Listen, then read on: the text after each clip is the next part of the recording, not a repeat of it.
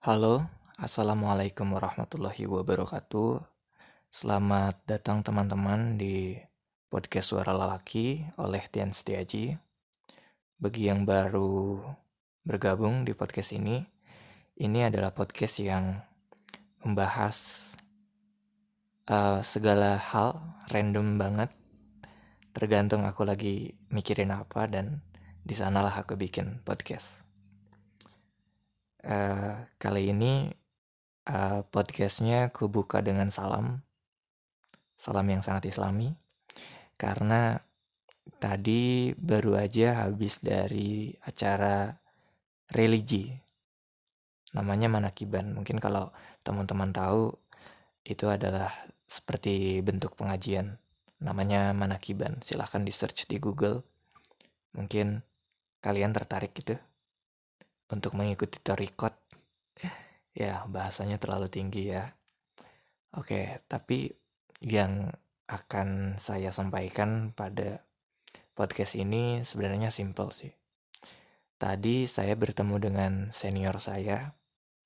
Ya mungkin bisa dibi bisa dibilang senior ya. Karena dia lebih tua tapi tidak satu universitas ataupun satu sekolah dulunya. Ya tapi masih satu guru jadi senior seperguruan.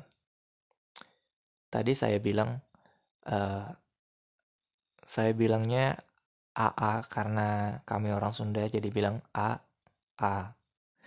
AA uh, kok sakit hati terus ya? Nah dia jawab ini uh, sakit hati itu sebenarnya terjadi karena sebuah ekspektasi yang terlalu tinggi. Ya, benar juga sih. Semakin tinggi ekspektasi kita, semakin besar kemungkinan kita buat sakit hati. Dan saya sadar akan hal itu. Terus saya bilang lagi dong, saya tanya lagi dong. Tapi itu bukan ekspektasi, A. Itu optimis. Saya bilang gitu kan. Karena jujur aja saya adalah orang yang mungkin bisa dibilang optimistis ya. Kata teman saya yang cewek itu, Hestika, dia bilang saya optimistis. Nah, dijawablah sama si AA-nya. Optimis sama ekspektasi itu beda loh. Perbedaannya adalah optimis adalah sebuah perjuangan, sebuah apa ya? Ya perjuangan yang terukur. Kita mau dapetin apa, kita harus ngeluarin apa, kapan, berapa lama waktunya, dan sebagainya, dan sebagainya. Mungkin saya juga udah ngalamin yang namanya optimis itu waktu um, daftar kuliah. Itu memang optimis karena ya bisa terukur oleh data dan bisa kita bisa kita kita apa ya namanya faktor-faktornya bisa kita kendalikan gitu. Mulai dari nilai kita bisa kita upgrade bisa kita naikin lebih tinggi dari uh, passing grade di universitas dan sebagainya kita bisa milih itu dan ada datanya dan sangat tertata dan bisa kita manipulasi. Menurut saya optimis adalah seperti itu pemahamannya ya AA mohon maaf kalau salah. Dan ekspektasi itu adalah ya cuma berangan-angan aja.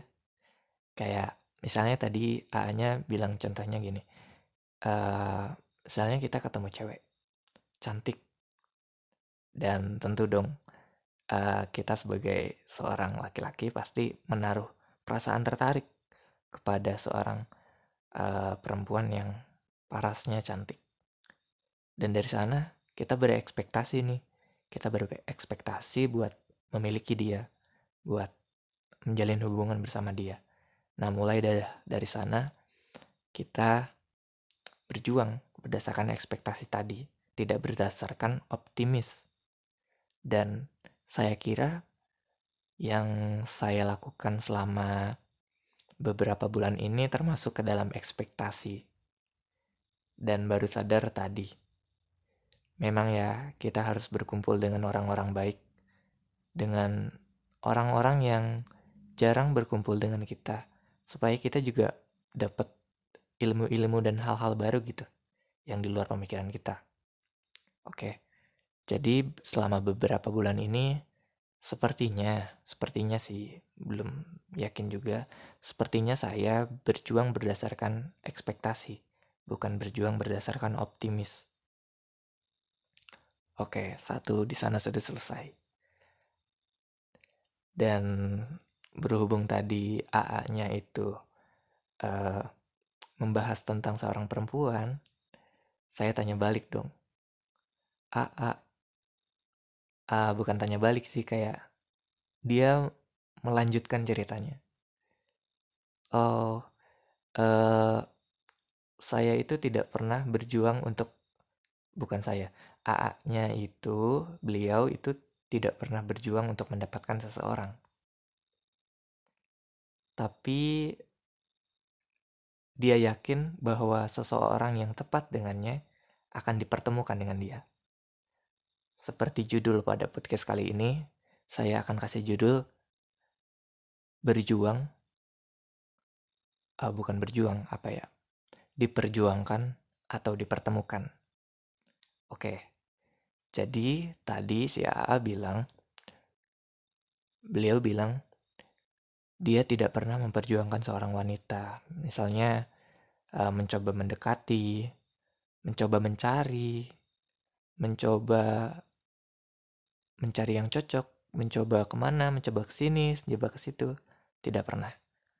Tapi dia yakin bahwa jodoh, bahwa orang yang tepat pasti akan dipertemukan. Akan dipertemukan mungkin uh, salah satu contohnya dia bilang di tempat kerja yang sama seperti yang dia rasakan saat ini.